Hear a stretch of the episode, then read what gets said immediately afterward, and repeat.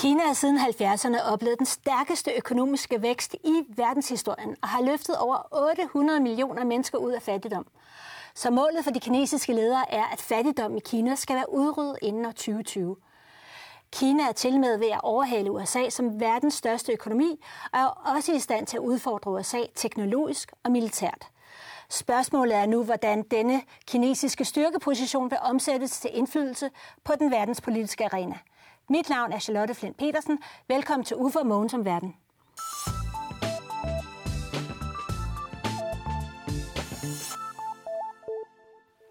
Velkommen Uffe, og velkommen Mogens. Øhm, I de her dage, der kan det officielle Kina fejre ligesom 40 år for en konstant vækst øhm, og, og, og fejre for starten på de økonomiske reformer. Øhm, Mogens, hvordan har Kina kunne skabe sådan en kæmpe vækst? Man kan sige for det første, de starter fra et meget, meget lavt udgangspunkt. Altså, da jeg besøgte Kina første gang i 78, tjente alle sammen nogenlunde det samme, nemlig ikke rigtig noget. Øh, altså, de havde været igennem øh, krige, borgerkrige, maveskatastrofer med det store spring fremad og kulturrevolutioner. Der er rigtig meget, der ikke havde været i gang. Og så bliver kræfterne sluppet løs af Deng Xiaoping. Øh, og, og så ser vi den her fuldstændig formidable vækst med historisk enestående, hvor de har 30 dobbelt deres nationalprodukt på 40 år, øh, og jo helt ændret balancen i verdensøkonomien. Øh, når det har kunnet lade sig gøre, er det, er det jo også fordi, at kineserne sparer en ufattelig stor del af deres indkomst op, så der har været, der har været kapital til at investere. Og når kineserne så stor del af deres indkomst op, så er fordi, det er ikke noget socialistisk land, som vi ville tro, det var. Det er et land, hvor man skal sørge for sin alderdom og sin øh, risiko for at blive syg og arbejdsløs selv. Så de sparer ufattelig meget op, og det har været øh, en adgang til, at virksomheden og staten har haft enormt mange penge til at investere, og vi ved jo fra vores uddannelse, at en af faktorerne bag høj vækst, det er høj investeringsrate. Ja, det er som om, man har glemt det i dag. Ja, ja, ja, ja, ja netop. Ja. Men, men altså, Xi Jinping har sådan et, et slogan, der hedder Made in China 2025, ja. og det er sådan en hyperambitionsplan for ja. at, ligesom at være verdensførende på en lang række områder. Mm. Hvordan ser det ud til at lykkes? Øh, oh, altså det, der er spændende ved det, det er de områder, hvor de nu vil til at være førende. Det er sådan hyperteknologisk. Det er alt det mest avancerede, du kan tænke dig kunstig intelligens osv. Og så gik det jo pludselig lidt sent måske op for omverdenen, at øh, når ja, så længe det vi købte i Kina, det var tennissko og t-shirts og alt sådan noget, så var det ikke så farligt. Men hov, nu importerer vi pludselig en hel masse af den super fine elektronik, halvleder, chips, alt det der, som sidder i nogle ting, vi er vældig afhængige af, blandt andet det, vi kalder strategisk infrastruktur, sågar øh, ting i vores forsvar i Vesten, øh, hvor, øh, som afgør, om en flyvemaskine kan flyve, om et hospital kan fungere osv., og hvor der farer en masse informationer ud i cyberspace fra de ting, der er sat ind. Og hov, så er kineserne pludselig blevet nogen, der altså også sidder med en, en finger på indflydelsen af, hvordan hele vores moderne samfund fungerer. Og så er det, man er begyndt at blive betænkelig at sige, hov, hvad har kineserne gang i? Og dem, der har investeret i Kina, sendt øh, virksomheder der, øh, derud, øh, de er begyndt at blive bekymrede for, om de bliver sparket ud. Lige så snart kineserne enten har lært, hvad de har af teknik, eller stjålet det, eller købt det.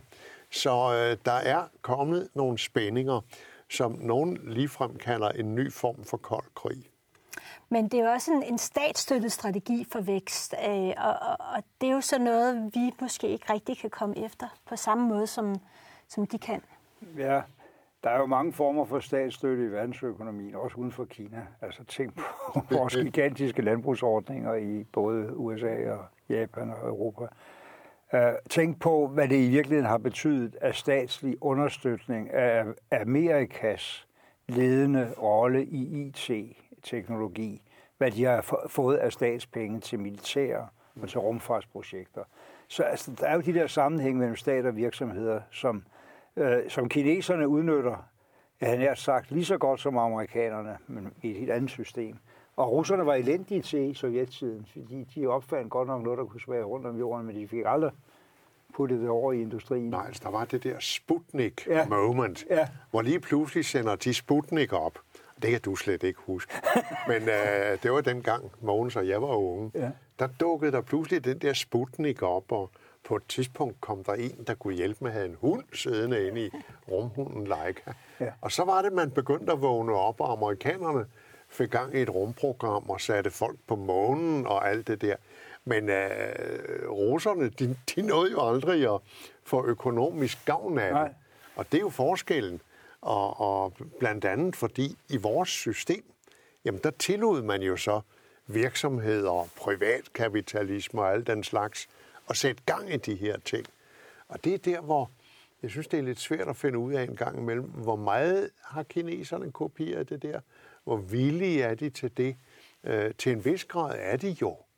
Men øh, Jamen, hvor går det, der, den grad? Det, det, der er svært at finde ud af, det er jo virkelig, hvornår er det selve staten, og hvornår er det ja. privatkapital, og hvornår, hvor, hvordan er sammenflætningen i det. Fordi i forhold til, hvad man troede for 25 år siden, jeg kan huske, at jeg talte med den daværende kinesiske senere premierminister, dengang vicepremierminister om det i 1993, øh, hvor meget vi privatiserer. Og så sagde han, jamen, der er sådan set ikke nogen grænse for, hvor meget vi privatiserer. Der er måske noget med bankerne og sådan noget, som vi godt vil beholde styr på, men, men vi har ikke nogen bestemt defineret overgrænse. Men når man så kigger på, hvordan det er foregået, ja. så har staten jo stadigvæk i hvert fald afgørende indflydelse på de store virksomheder. Men det er jo ikke så, igen ikke som i Sovjetunionen. Det er jo ikke sådan, at de der virksomheder så er ineffektive.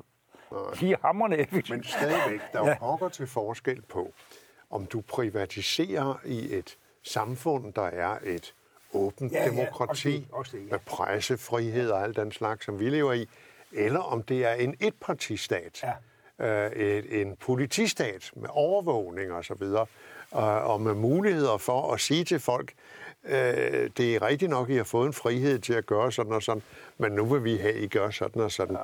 Og så gør de jo klogest i at, at, at rette sig efter, hvad der bliver sagt. Så er det jo trods alt ikke hos os. Nej, det, det er du fuldstændig ret i. Jeg har øh, hørt om en, en, en, en meget udmærket mand, der, der blev mange millionærer, eller måske endda milliardær på at drive noget virksomhed, ikke? Øh, men som også var systemkritisk og havde forbindelse til nogle systemkritikere. Han skyndte sig, da han, havde, da han var på toppen af indtjeningen, skyndte han sig at realisere det. fordi han, han vidste ikke, hvornår de ville komme efter ham. Men du har stadigvæk Alibaba, WeChat, Tencent. Altså, du har jo nogle store kinesiske firmaer, mm. som på en eller anden måde må være et produkt af et selvstændigt Du har en masse milliardærer. Ja, masse ja, ja. Altså, jeg så en oversigt den anden dag over kvindelige milliardærer ja, ja, ja, i Kina. Ja, ja. Det er jo formidabelt. Ja. Men deres hemmelighed er jo alle sammen, at de accepterer, at de lever i en etpartistat. Ja. Og der er nogle ting, de bare ikke gør og jeg slet ikke siger. Og der er jo meget, der er jo meget tæt. Øh, altså, nu er nu Kommunistpartiet en meget stor organisation, de er vel 90 millioner, men, men, men det er jo den vej, man går ind ja. for at være en del af eliten, altså også kapitalisterne. Det var, det var jo noget, som, som ham der, øh, hvad hedder han, ham der var forrige, forrige øh, partichef. Indfø- nej, nej, det var før. Øh, Wen Xiaobao. Nej, det var ikke, jamen, det var Joranjis tid. ja. Chancemin.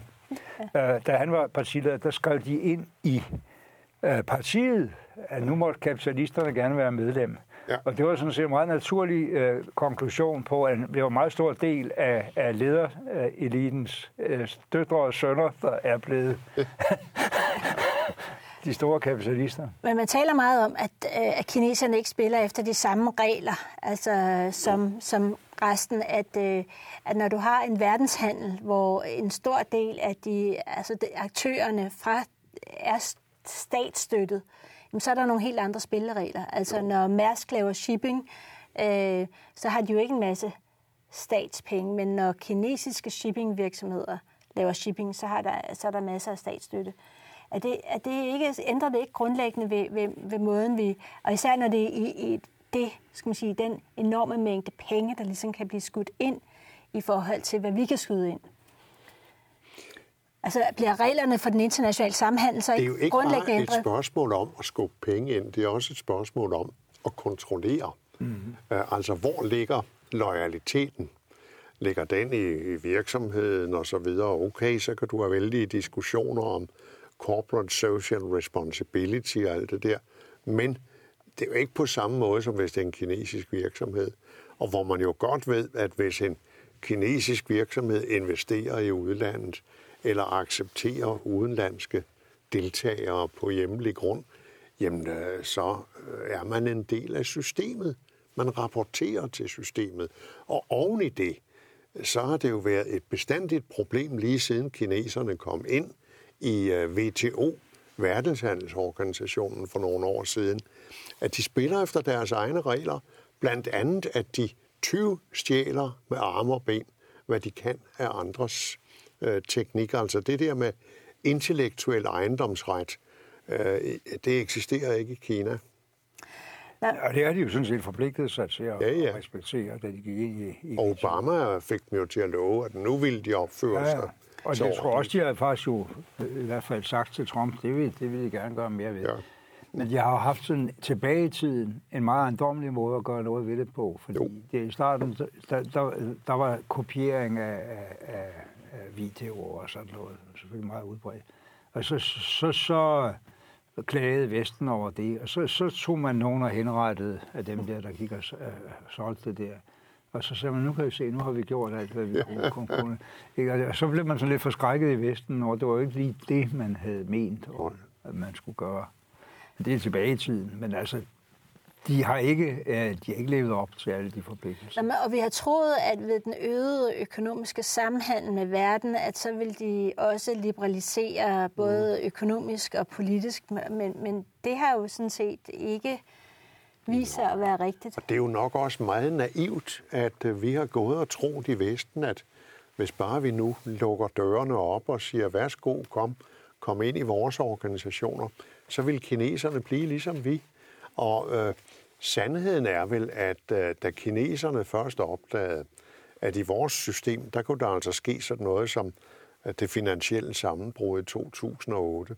Plus at vores systemer, vores demokratiske systemer, lukker op for, at populister som Trump og så videre, Gud hjælp, man kan blive valgt Ja, ja, i det system. Ja, ja. Så siger de, hvor herre bevares, sådan et system skal vi da ikke have. Nej. Så enhver og, og idé det, er, om, det er ikke bare dem, der regerer. Det er folket, der siger Ja. det, ikke? Altså, det, det synes jeg... samtidig forstår man dem jo også. Ja, ja, sådan lige et øjeblik. Ja. Men, men, men altså, det det er jo, det, det er jo fuldstændig rigtigt. Altså, de, har jo, de, har jo, de har jo ikke nogen tradition for demokrati. Vi havde bare troet, at øh, det forhold, at der alligevel blev åbnet så meget for samkvem, samhandel, investeringer, frem og tilbage, ja. ud og ind, 120 millioner kinesere som turister, at det på en eller anden måde ville øh, i verden rundt, har vi nu, at det ville give nogle påvirkninger. Men, men de rejser jo ud, de fleste af dem rejser jo ud med kinesisk stolthed som repræsentanter for det der. Og det er jo fordi, det her styre, uanset alt det kedelige, man kan finde på at sige om dem, de har leveret en vedvarende, mærkbar fremgang i levestandard for den enkelte kineser i 40-20 år. Ja, ja. Og, og, og, og, og, og i, dem, der har historiebevidsthed eller erindring tilbage til 30'erne, 40'erne, 50'erne, de siger, jamen, vi har aldrig haft det så godt. Vi har aldrig haft så meget personlig frihed, bare vi ikke blander os i politik, og i øvrigt gider vi ikke blande os i politik. Ja. Ikke? Altså, det, man er nødt til at forstå, at i modsætning til alle de andre kommunistiske systemer, som faldt sammen som støv, da, da der ikke længere var kampvogne, der kørte, så har det her styre skaffet sig en form for legitimitet, som de andre aldrig fik, ja. ved at levere til borgerne. Og der er det så, vi andre sidder nu, hvor vi pludselig opdager, hallo, det er jo altså også farligt, det her med, med de ting, hvor de pludselig forsøger at blive jævnbyrdige eller sågar overlegne i forhold til os. Der er det jo amerikanerne først og fremmest. Altså hvis du ser debatterne i den amerikanske kongres om det her, hvor de jo ellers sidder og slås, demokrater og, og republikanere. Hvis der er én ting, de kan blive enige om i dag, så er det det der med, med Kina, det er man altså nødt til at gøre noget ved. Og, og derfor mm, er der jo spredte klapsalver, når uh, Trump han starter det, der efterhånden har udviklet sig til en, en handelskrig med Kina.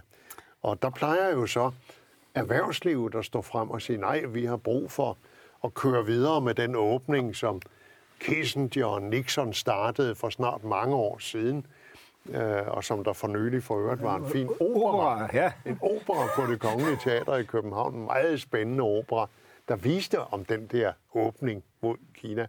Vi vil gerne fortsætte det. Så lyder der helt andre toner i dag, hvor du hører fra amerikansk erhvervsliv, øh, nu er vi altså nødt til at passe på. Nu er de ved at bevæge sig ind på nogle rigtig farlige områder. Ja, for der var en deadline 1. marts, hvor man ligesom havde ligesom sagt, nu skal mm. vi finde en aftale mellem USA og Kina, og det lykkedes sådan set ikke. Øh, kineserne måtte tage hjem til Beijing ja. med uforrettet sag, så, og Trump han... Øh, han tror med, med, med at, eller har faktisk, han øh, har, han har forhøjet tarifferne, eller øh, tolvsatserne. ja. Men problemet er jo selvfølgelig, at ja, der er nogle ting, kineserne øh, skylder os at rette ind mm. i forhold til, at de bliver medlem af verdenshandelsorganisationen.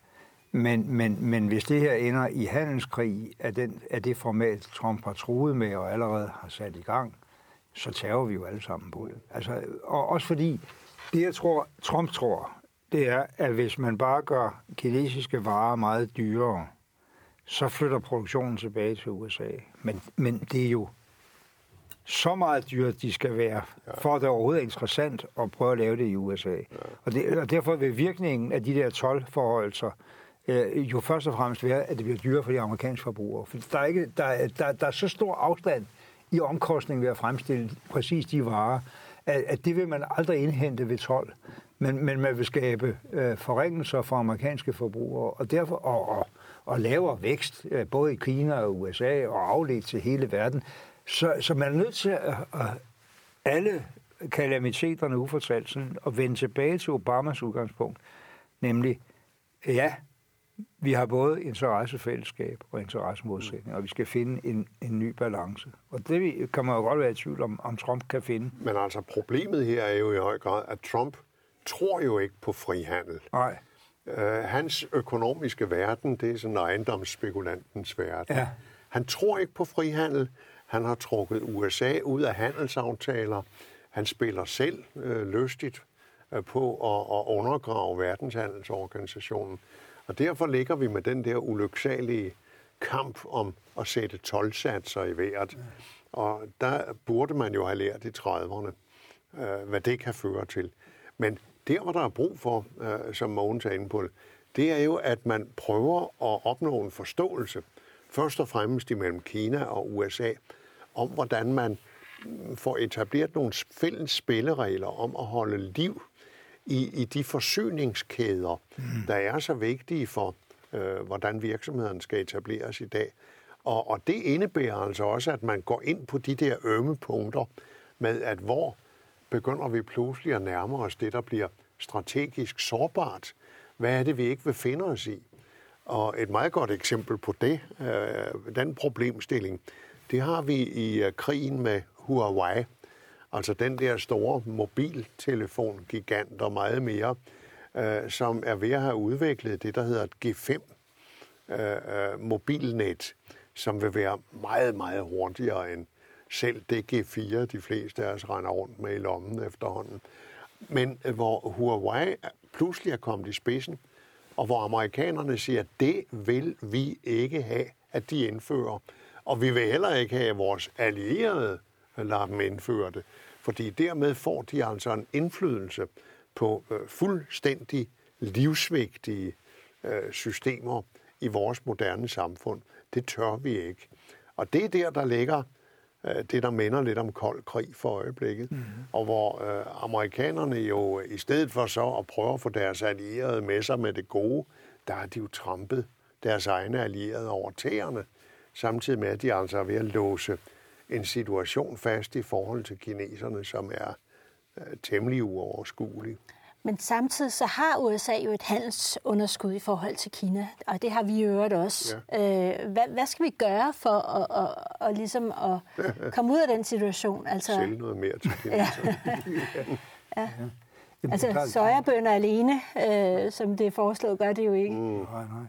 Nej, men altså, øh, det er jo ikke noget, det er jo ikke noget selvstændigt problem, vi har et handelsunderskud over for Kina, når vi til sammen har et, et mega handelsoverskud. Til verden. Altså, det, det, det, det, er jo ikke en måde, man behøver at, at, at bekymre sig på. Men, men, øh, men det er klart, amerikanerne kan jo, kan jo have grund til bekymring, hvis der skal være handelskrig, i, i den forstand, at kineserne sidder på toppen af en så uendelig stor bunke amerikanske statsobligationer. Ja som, som de jo godt kan manipulere med priserne på, ved at kaste dem på markedet, hvis de kan finde andre steder. Og... Ja, det er 1,3 øh, milliarder. Ja, Nej, ikke milliarder. Nej, 3.000. 3.000. Ja, en, en, en, en, Jeg har glemt, hvad man kalder sådan noget. 3, 3, 3, trilliarder. Trilliarder dollars. Eller, ja, det er vildt. Ja. Og der plejer man jo at sige, at hvis du skylder penge væk, så er det med at skylde så mange, at din bank ikke tør lade dig gå for lidt. Men det er som om, den spilleregel heller ikke gælder helt i det her forhold. Men det er klart, at kineserne har, har, har deres interesse for at investere i virksomheder ja. I, i omverdenen er også drevet af, at de er trætte af at skulle stærke flere og flere amerikanske statsobligationer oven på hinanden. De vil hellere investere aktivt. Og det er jo sådan set et investorsynspunkt, som man godt kan sætte sig det ind Det forstår man så godt. Ja, ja. Og især når du ser, hvor de så gerne vil investere for ja, øjeblikket. Ja. Og, og der har vi hele det der Belt and Road Initiative, altså ja. hele det der gigantiske vision, kineserne har om, om at etablere sådan nye transportkanaler mellem Kina og Europa og over Arktis og alt det der. Og gennem Afrika, hvor Kina jo i dag er største investor ja. i Afrika, ja. og hvor de køber havne op, øh, investerer i øh, oliepipelines, ja. vejanlæg, ja. jernbaner osv. Men det er ikke noget med projekt. otte veje, som de ligesom har kortlagt ja. indtil videre, mm. til havs over Arktis, ja. over Centralasien. Ja, ja. Øh, og så, de har allerede købt de første havne i Europa. Ja. Der var Piraeus, der grækerne gik for lidt ja. øh, i havnen der.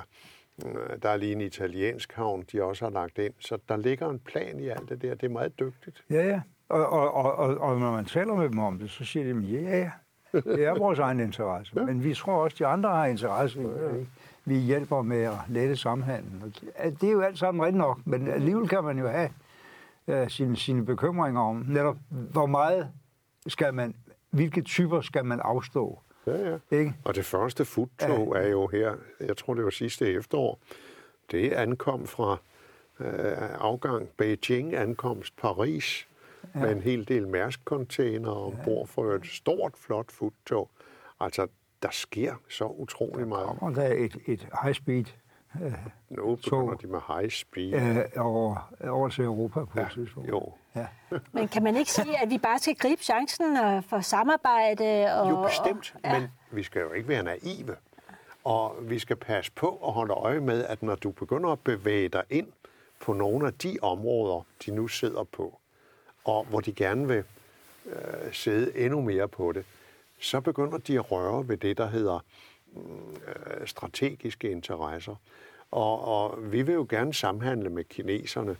Ikke mindst, hvis det kan føre til, at der bliver et par pandaer at kigge på ude i zoologisk have. Ja. Men vi er jo ikke interesseret i, at der sidder en, en øh, kineser et eller andet sted og kan følge nøje med i, hvordan for eksempel systemerne på Rigshospitalet eller i vores kraftværker eller sådan noget fungerer. Det ja. er vi jo ikke. Nej, og det er jo noget af det, som vi balancerer hele tiden. Ja. Altså, Kina er vores sjette største eksportmarked. Ja. Øhm. Jamen, kineserne er jo kommet til ligesom at sætte øh, den diskussion om kinesiske investeringer, har jo i virkeligheden sat fingeren på et meget bredere spørgsmål. Nemlig om, om den bølge, vi alle sammen var helt, mere eller mindre involveret i af privatiseringer i 90'erne af mm. gamle statsvirksomheder, om det var klog politik. Fordi det er jo ikke kun risikoen for andre stater. Det er jo også de der mega uh, multinationale private ja, koncerner, hvad de, hvad, hvad de kan sætte sig på af vital infrastruktur, mm. hvis man ikke passer på. Så det, altså, der, der, der er virkelig øh, en helt ny synsmåde, der kommer op, provokeret af kineserne, men bestemt kun, ikke kun har noget med kineserne at gøre. Nej. Og det er jo noget, der, der griber ind i, i hverdagen hos ja. de fleste af os, uden at, at mange måske tænker over det. Altså, jeg render rundt med sådan en, en Ja, du- lille, en lille ja, flot fordi du er meget, øh, du kan Jamen, godt jeg, jeg, jeg, jeg kan jo ikke læse om sådan nogle nye gadgets på Ja. internettet, før jeg skal ud og købe nogle af dem. Og der var en gang her i, i foråret, der købte jeg en, jeg så pludselig, man kan få sådan en, uh, uh, en et USB-stik ja. at rende rundt med. Ja. Et USB-stik, som, uh, uh, ja, det er meget fint, Ja. som kunne rumme 2 terabyte. Og alle nørder i mine børnebørns alder vil vide, hvad det er. Det er altså sådan en lille dims her. Den, den kan rumme dobbelt så meget, som øh, selv min nyeste computer har. Ja, ja. Jeg har endnu ikke tåret sætte den ind i min computer for at, at lave backup alt det der, fordi jeg sidder med den, og så kigger jeg på den. Og så siger jeg, at den her købte jeg vanvittigt billig over nettet. Og der gik et stykke tid, så kom der jo en af de der plastikposer med posten fra Kina til nedsat porto i det danske postvæsen, for Kina behandlet som et uland. Men jeg fik den for en latterlig sum. Og så er det pludselig, det slår mig videre.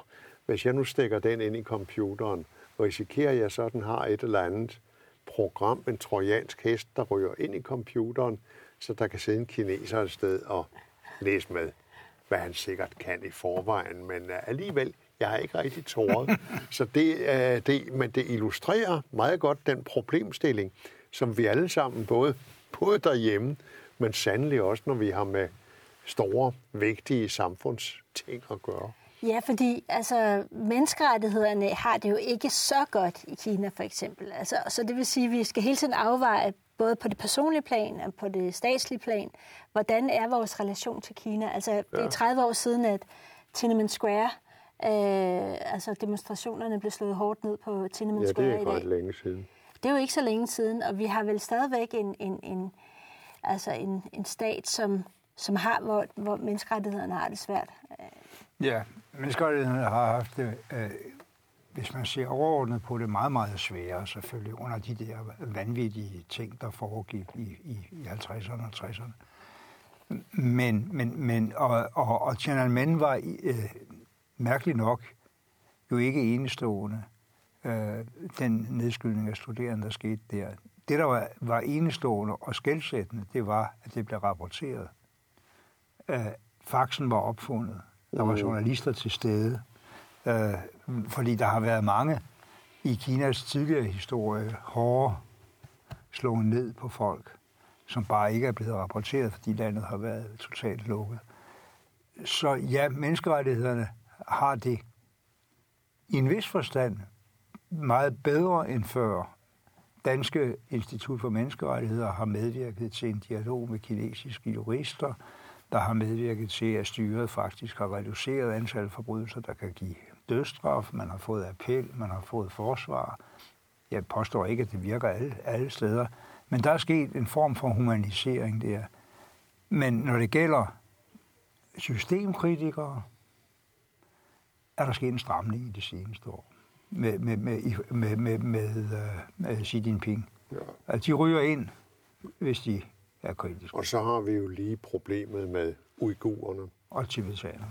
Gammel og problem. tibetanerne. Ja, ja, Gammelt ja. problem. Ja. Men det nye, og, og i den forbindelse, vi, vi taler om her, synes jeg, meget spændende, meget skræmmende, det er behandlingen af uigurerne. Mm. Hvad er der? Cirka en million I lejre nu. i lejre, Ja som er en slags koncentrationslejr. Det er en minoritet, som er muslimsk, og som lever ude i uh, det Xinjiang-provinsen oppe i det nordvestlige Kina.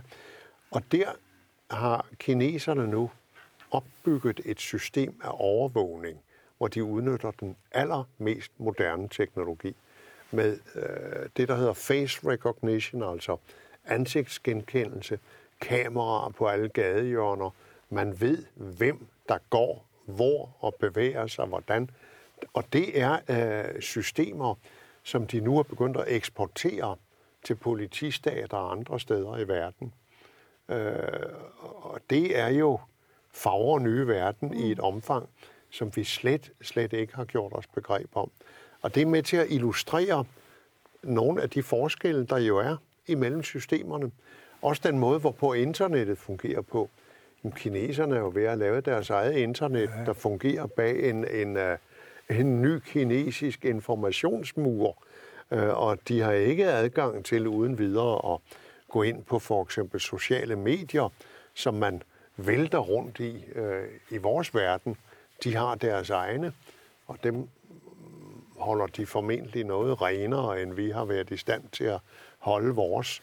Så igen hører du så, hvis du taler med en kineser om det, ja, hvad pokker skal vi med jeres? Mm-hmm. vi vil da ikke have det svineri, som er I åbenbart synes, det er sjovt at søle rundt i. Men er det så ikke problematisk for os, altså både individuelt, men også som, som lande, øh, at interagere med Kina i forhold til, til hele Jo, men hvad det? skal du gøre? Skal du lukke fuldstændig ned? Det synes jeg jo ikke, man skal. Men man skal have øjnene fuldstændig åbne for, øh, hvad der altså ligger. Og så skal man på de områder, øh, hvor det virkelig er farligt, øh, der skal man selvfølgelig stoppe. Og så en ting til. Du skal gøre sig klart, Kina er så stort, Kina er så magtfuldt, Kina er så kommercielt interessant, øh, at der er ikke nogen små stater, der tør sige noget til hovedet af Kina. Og, og, og det er jo i virkeligheden et af de bedste argumenter, jeg kan finde på, for at Europa skal optræde absolut samlet over for ja. Kina. Fordi i dag er den eneste, og det er så en meget kedelig type, der er præsident i USA lige nu, men, men øh, både før og efter ham er USA jo i øjeblikket den eneste, der kan tale Kina midt imod, uden at risikere øh, en hel masse økonomiske reaktioner, og, som Norge kom ud for, da Nobelprisen gik til en kinesisk øh, demokratiaktivist, øh, selvom den norske regering jo ikke har noget med det at gøre. Men det kunne de ikke forstå. Det måtte være mm. øh, øh, regeringen, der havde instrueret det. Men, men øh, vi vil se, og, og her er vi ligesom nødt til at, at være realistiske. Der er for eksempel ikke nogen europæisk regering, uanset partifarve, der længere modtager Dalai Lama hos regeringscheferne. Mm. De gør det ikke, fordi de, de ved, at Kina har nogle vældige reaktioner, det koster nogle penge, og deres virksomheder går det ud over osv. Og den eneste måde, man kunne ligesom være fri til at gøre det, det var, hvis alle var enige om, at det ville man ikke øh, acceptere ja. en reaktion på. Og Europa kunne reagere samlet. Det kan Europa ikke. Nej, og det er i høj grad op til Europaparlamentet, ja.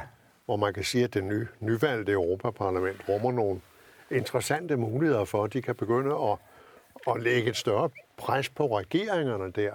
Ja. Fordi ellers så ser vi det, som vi har set hidtil, at der så er en konkurrence om, hvem der kan fedte mest for kineserne. Ja. Ja. Altså lige så snart man prøver at gå ind og lave en overordnet politik ja. på sådan noget som øh, Kinas håndtering af hele det der Belt and Road-projekt, ja, så kommer øh, italienerne ja. pludselig fedtende ja. og vil opnå nogle særlige fordele. Tyskerne har sådan set heller ikke været for gode der.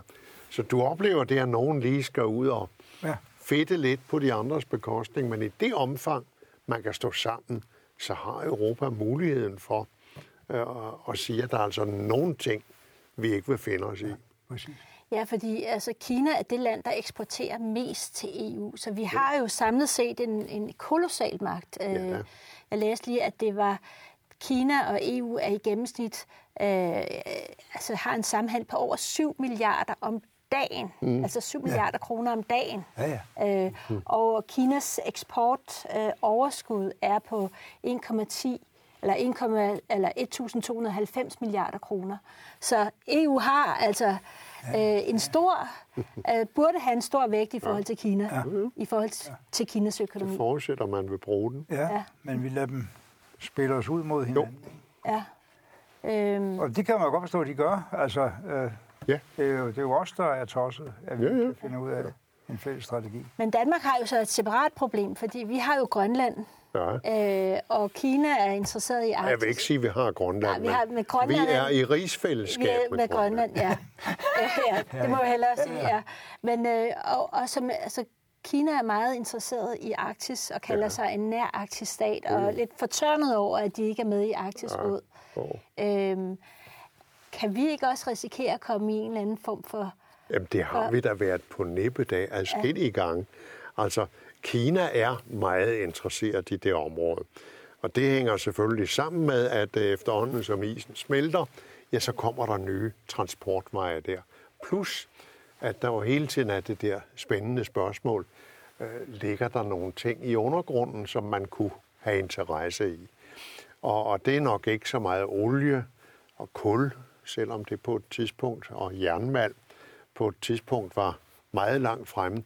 Det er sådan nogle af de der lidt mere spændende, avancerede, såkaldte sjældne jordarter, som man bruger meget i, i øh, når man laver moderne elektronik.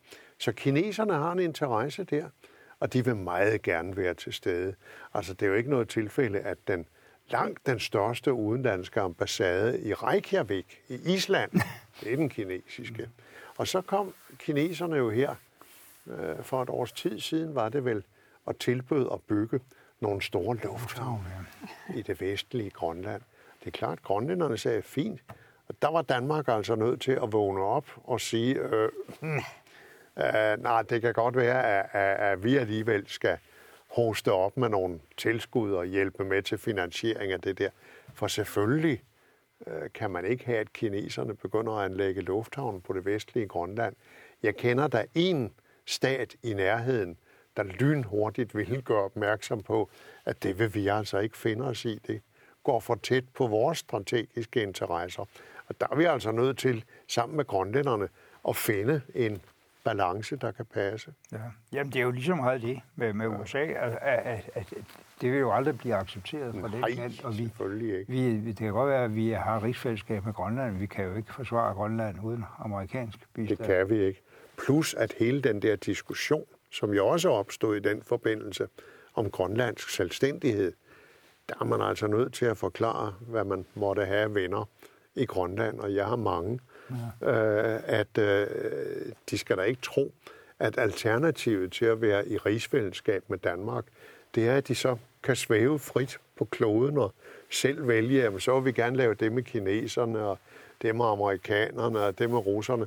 Nej, nej, sådan spiller verden ikke. Men kunne, kunne det ikke være en chance for reel øh, grønlandsk selvstændighed? Jamen, hvad mener du med reel grønlandsk selvstændighed? Ja. Sådan et begreb eksisterer jo ikke i virkelighedens verden. Det gør det jo ikke. Altså hvis nu, at de Der er kunne... ikke nogen af dem, der vil tilbyde sig, der ikke vil prøve at få indflydelse. Nej, nej, nej, nej, nej. Ja. Altså, Pompeo, han havde jo en ret stærk... Øh, ja. Altså, den amerikanske udenrigsminister havde en stærk tale, øh, hvor han i virkeligheden uh, i tale satte pro, altså, som et sikkerhedsproblem, ja. og man i Arktisk Råd, at, at Kina ligesom interesserer sig for hele det ja. her område øh, og, og sammen med russerne. havde han måske ikke behøvet sige så udiplomatisk, fordi jeg synes, at for eksempel Danmark har været meget god til at gøre opmærksom på, at det har vi udmærket forståelse for. Blandt andet ved at gå ind og sige, det der med Atlant lufthavne der på Vestgrønland, det skal vi nok være med til at stå for. Og så kan man også sige, at amerikanerne måske spænder det der militære sikkerhedspolitiske øh, udfordringen lidt hårdt op, fordi det er jo ikke først og fremmest det kineser. Kineserne har ikke tænkt sig at etablere for fremskudte baser på Grønland. De har økonomisk interesse. ja. øh, og, og, og de har jo allerede øh, en stor forskningsgruppe op på Svalbard. Ja, da. De interesserer sig meget for arktisk forskning mm. og udviklingsmuligheder osv. Og det er alt sammen forståeligt, men det må også øh, være forståeligt, at vi har vores reservationer ja, ja. af alle mulige grunde. Ja. Øhm, noget andet, som er relateret til havet, det er hele det sydkinesiske øhav og, og hvad hedder det, Taiwans øh, skæbne. Øhm, og Xi er ligesom gået bort fra den her gamle diktum om, at man skal gemme sine kapabiliteter og se tiden an, og i stedet for så er han mere på, at den kinesiske nation har rejst sig og er blevet, til, er blevet rig og stærk. Altså, det er mere noget af det, han siger. Sådan. Så han er mere tydelig øh, på den, på den øh, verdenspolitiske scene i forhold til mm. de kinesiske ambitioner. Øhm, og det har især manifesteret sig i Kinas nærområde. Hvad, hvad, hvad sker der reelt i omkring øh, i det sydkinesiske øhav? Altså, hvordan oplever kan man... Kan du ikke tage Taiwan først? Fordi ja, så, ja. så skal jeg sige noget om Scholz. Ja. Jamen, om Taiwan vil jeg sige, at jeg havde en meget interessant samtale tilbage mm. i 2007 med Henry Kissinger om forholdet mellem Kina og Taiwan. Hvor, han, øh, hvor jeg spurgte ham, om der var på det tidspunkt nogle militære øvelser og sådan lidt trusler over Taiwanstrædet. Øh, hvad, hvad, hvad, hvordan ser det her ud efter jeres mening? Og man sagde, det der, det skal vi ikke blande os mere i, end vi gør. Øh, det er kinesisk kultur, kinesisk sprog og kinesisk tradition på begge sider. De skal nok selv finde ud af det. Øh, underforstået, øh, som jeg forstod det i hvert fald, man skal ikke tro, at øh, fastlandskineserne, øh, styret i Beijing, øh, har lyst til militært at overtage Taiwan. De håber, at de kan udvikle så stærke økonomiske forbindelser, så på et eller andet tidspunkt, så kan øen komme tilbage i en eller anden form, to systemer, øh, et land, eller hvad de nu kalder det. Øh, men men, men, men, men de har ingen som helst interesse i at, at, at, ødelægge hinandens økonomi på, på begge sider. Der er så enorme taiwanske investeringer på fastlandet nu. Der er så meget økonomisk samkvem. Jeg tror, der er to millioner taiwanere, der, der lever på fastlandet, og mange af dem driver virksomheder. Det er mange flere millioner fastlandskinesere, der arbejder i taiwanske virksomheder. Så de er vokset sammen økonomisk. Øh, og, og, og, og Kina vil selvfølgelig til enhver tid fastholde, at Taiwan er en løsrevet provins og ikke et land. Øh, og, og taiwanerne vil, vil formentlig næsten uafhængigt af, at de er til skifter regering, og nogle er mere selvstændighedsmindet end andre, øh, sige, okay, vi er pragmatikere, de kan godt sige det der, øh, men vi er selvstændige. Mm. Vi bestemmer selv. Det er klart, at risikoen i det her er jo, at hvis pludselig der vokser en nationalistisk bølge frem i Kina, mm. og styret der, øh, kejser Xi, føler et behov for ja, øh, på ja. en eller anden måde at markere stærkt over for befolkningen, at han står på kinesisk værdighed, og de skal ikke finde sig i at blive set ned på, at man så laver et eller andet, men øh, vi krydser der fingre for, at det ikke sker. Jeg synes, det er mere, øh, mere bekymrende, det der foregår i det sydkinesiske hav, hvor kineserne jo i overvis har sagt, at øh, de, det faktisk er en kinesisk indsø. Og, og der er så en, en kæde af øh, ubeboede øgrupper og skær og sådan noget, som ligger meget langt fra fastlandskina, meget tæt på nabolande som Filippinerne, Malaysia, Vietnam osv., øh, og hvor kineserne siger, at det er vores. Og så her for, ja, hvad er det efterhånden, et år, halvanden siden, der opdagede man pludselig, at nogle af de der ubeboede skær, de var ved at blive fyldt op med sand og cement og alt muligt. Ja, hallo, hvad var der nu pludselig? Nu var der en landingsbane, ja. og nu var der en lille havn, og nu stod der nogle kasernelignende bygninger. Nu var der nogle øh, radarsystemer, der pludselig skød op. Det var blevet til små militærbaser. En af dem lå meget tæt på Manila. Det lå faktisk sådan inden for Filippinernes 200 mils øh, grænse. Og de protesterede jo vildt, gik til FN, og, og domstolen i Haag sagde, at det må kineserne ikke. Kineserne sagde, skråt op. Øh, vi anerkender ikke den domstols jurisdiktion. Og de fortsatte. Og hvad gjorde Filippinerne så? Ja, de sendte en handelsdelegation til Beijing, øh, fordi de har ikke rigtig stolet på, at den store amerikanske øh, allierede var til noget i den forbindelse. De havde jo lige fået Trump. Øh, og siden er de fortsat med det der andre steder. Og på et eller andet tidspunkt kan det altså føre til en konfrontation, hvor man går galt af hinanden, fordi amerikanerne sender jo krigsskibe ind i området for at markere, at her er der fri besejling. At britterne gør det samme for øvrigt, selvom de ikke har så stor en flåde tilbage. Men de gør det for at være der og sige, at det her er internationalt farvand. Øh, og øh, når man gør sådan noget, så kan der altså meget let på et eller andet tidspunkt øh, komme en eller anden konfrontation, der får lov at, at udvikle sig. Og, og øh, i mange af de studier, som sendes ud af amerikanske tænketanke og alle dem, der beskæftiger sig med de her ting, der er det altså et tema, der fylder mere og mere. Og hvor bekymringen for, at der kan opstå krigslignende tilstande lokalt, den i høj grad er til stede i dag. Men, men, men der er to ting at sige om det her. Øh, risikoen er der selvfølgelig, men, men, men det ene er, det kineserne laver, det er jo gammeldags magtpolitik, som man kan sige, amerikanerne også i et par hundrede år har udøvet på den vestlige halvkugle i form af Monroe-doktrinen. Vi er den dominerende magt i det her område, og vi tåler ikke, at der er nogen, der anfægter det. Det andet er, nabolandene som Filippinerne for eksempel, deres interesse i samhandel med Kina er så stor, så, så de bliver nødt til at lave et kompromis, de egentlig ikke kan lide med kineserne. Det er det, vi har set. Og derfor tror jeg, at, at, at de her konflikter løser sig til Kinas fordel. Øh, men det ændrer jo ikke noget med, at ved at der er en risiko, hvis amerikanerne så bliver ved med at sejle med krigsskibe der for, for et eller andet øh, øh, utilsigtet sammenstød.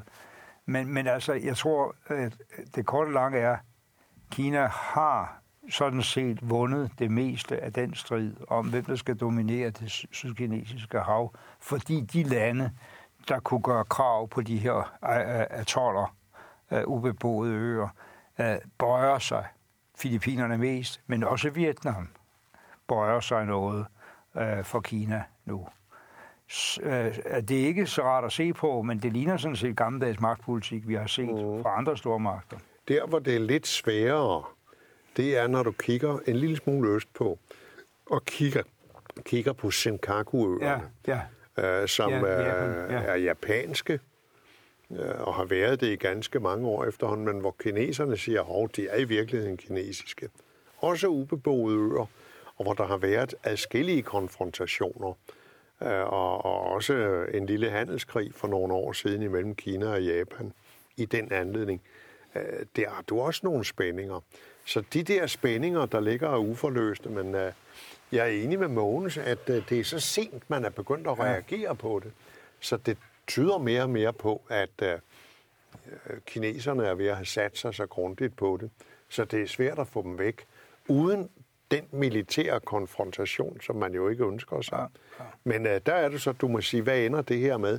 Ender det med, at kineserne har vundet det her, og amerikanerne må stikke halen mellem benene og forlade det vestlige Stillehav, eller hvad?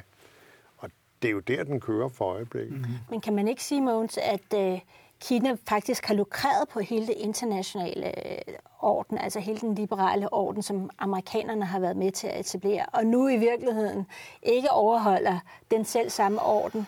Jo, øh, jeg skal lige huske, den internationale søretskonvention som kineserne ikke anerkender. Ja. Den har amerikanerne aldrig undertegnet. Nej, det har de ikke. altså, så, så altså, der, der er et eller andet her, der, der, der, der ligner lidt for meget hinanden. Og så vil jeg også godt sige, efter alt hvad jeg ved, det er muligt at tage fejl, men efter alt hvad jeg ved, så har diskussionen om Senkakuøerne, øh, Jiao, Jiao altså, de hedder på kinesisk, hvis noget eller sådan noget, eller andet, mm, den har en anden karakter end det sydkinesiske hav. Hvis man kigger på kortet, så er de der atoller i det sydkinesiske hav langt væk fra Kina. Ja, de er meget langt væk. Men, men Senkaku-øerne, som japanerne kalder dem, de ligger meget tæt nord for Taiwan. Ja.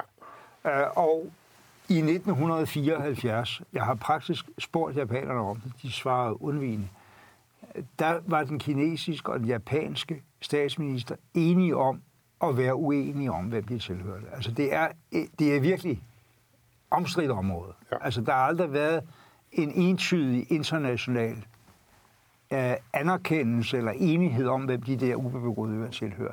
Så, så, så der har kineserne, efter alt hvad jeg ved, sådan set mere ret, hvis, man, hvis der eksisterer noget søret. Ah, det kan man diskutere, men uh, det var japanerne vel nok, der dummede sig lidt for en del år siden, da en stærkt nationalistisk, øh, vist nok borgmester i, i Tokyo, Tokyo ja. han lige pludselig begyndte at udsende store erklæringer om Senkaku-øerne. Ja. Og det var lige pludselig gjort til et stort, vigtigt problem i Japan. Så der brød de lidt det der med, at vi kigger den anden vej og fløjter og ja. lader som om, ja. der ikke er noget problem. Og det er jo tit en glimrende måde at, øh, om ikke andet, så udskyde sådan nogle problemer på. Altså det, der hedder sparke en dåse ned ad gaden. Ja. Men kan man ikke sige, altså øh, uanset hvordan vi så fortolker det her med Senkakuøerne, ja. at øh, Kina er begyndt at opføre sig som supermagt Jo. i forhold til det internationale Kina er begyndt retssystem. at fylde mere, og ja. det er der jo ikke noget at sige til. Men Og også, at hvis- man har en selektiv øh, ligesom, øh, Hvis du kigger på overholdelse af- Afrika, ikke? Ja. altså hvor de har etableret deres første militærbase, og hvor de ved virkelig at sætte sig rundt omkring, hvor de investerer.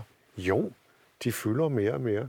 Men kan man sige, at det amerikanske århundrede er slut, og vi går ind i det kinesiske århundrede? Eller er det for stort et spørgsmål? Altså, Nej, det kan man ikke sige. Man kan sige, at det 21. århundrede formentlig vil have to supervagter ja. i stigende grad. Meget tæt på at Lige, være ligevægtige supervagter, ikke? Øh, Og, og at øh, klodens fredelige overlevelse beror på, at de kan afstemme deres fælles interesser og interessemodsætninger. Og de er meget forskellige, men de har sådan set det til fælles, at de har et meget selektivt forhold til at anerkende en, en bestemt international retsorden. Altså under den kolde krig, øh, der lykkedes det at få aftaler om våbenkontrol og alt det, som holdt lidt styr på aggressionerne. Det nye her, det er, at det er en meget mere kompliceret verden. Og det, vi har talt om tidligere her med alt det, der nu sker i cybersfæren, Ja det er jo lige pludselig gør det hele meget mere kompliceret. Og også alt det, der sker med, med, med afgrænsninger af, hvad er almindelig handel, og hvad er lige pludselig noget, der går dybt ind i, i krigsstrategier. Det er knæme blevet kompliceret. jamen, kan man ikke sige så, at det, der er behov for, det er at inddrage Kina i, i netop i de diskussioner omkring øh, våbenkontrol, i Jo, øh, jo, jo, diskussioner bestemt. omkring øh, øh, nedrustning, øh, altså alle de her relationer. Hvor vi tidligere havde det, det var Rusland. Ja. Øh, Det vil Kina formentlig også være interesseret i, i hvert fald så længe de bliver anerkendt som en ligeberettiget Ja, en partner. ligeberettiget partner. Ja, Ja, ja. Og det er jo også interessant i den forbindelse at se, hvordan øh, Kina og Rusland, de jo er blevet slyngveninder lige pludselig, Ja. ja. selvom man må sige, som også historien har vist, at de har jo nogle store interessekonflikter. Ikke mindst hvis du kigger på sådan land og lebensraum over omkring Sibirien. Men alligevel så er de jo altså slyngveninder, der optræder sammen i øh, FN og alle mulige internationale sammenhænge. ja, de indgår også i det, der hedder Shanghai Corporation Ja, det skal jeg love for. Organization, og hvor, hvor, hvor de ligesom er de to. Øh, ja. Det er sådan modstykket til NATO. Jo, men USA og Kina opbygger begge to. Øh, ja, nu har Trump fået ødelagt det hele lidt, men Obama var jo i fuld gang med at lave et stort frihandelsområde med alle Kinas naboer i virkeligheden. TPP. For at afbalancere Kina. Øh, og, og det svarer Kina selvfølgelig på ved, ved at samle så mange venner, de nu kan Ja. finde. Så, og, og der, er de, jo ikke, der er de jo ikke sådan specielt kritiske. Det er jo ikke sådan, de sidder og laver Nej, nej. menneskerettighedsrapporter på dem. Ups, nej, nej, nej. Nej. De er tit nemmere at have med at gøre. Altså, Sudan var jo en stor partner ja. på et tidspunkt. Men, men øh, altså det, du ser, det er jo, at når Trump har skubbet de der øh, folk væk fra sig, så står kineserne der jo straks. Ja. Altså, det er jo ikke mere end, hvad er det, to år siden, øh, at Xi blev hyldet af alle superkapitalisterne i Davos, Ja. fordi han holdt en tale om frihandel, hvor de alle sammen stadig var chokeret over, at Trump havde hældt alt det der ned ad brættet. Så står Xi der og taler om frihandel, og han bliver pludselig kapitalisternes store frihandelshelt. Altså så absurd kan verden jo udvikle sig. Men det viser, at hvis du laver et vakuum, så står der straks en Xi eller en anden, og er parat til at hoppe ind og fylde det ud. Tak til dig, Uffe, og tak til dig, Mogens, og tak til jer seere, fordi I så med i Uffe og Mogens om verden.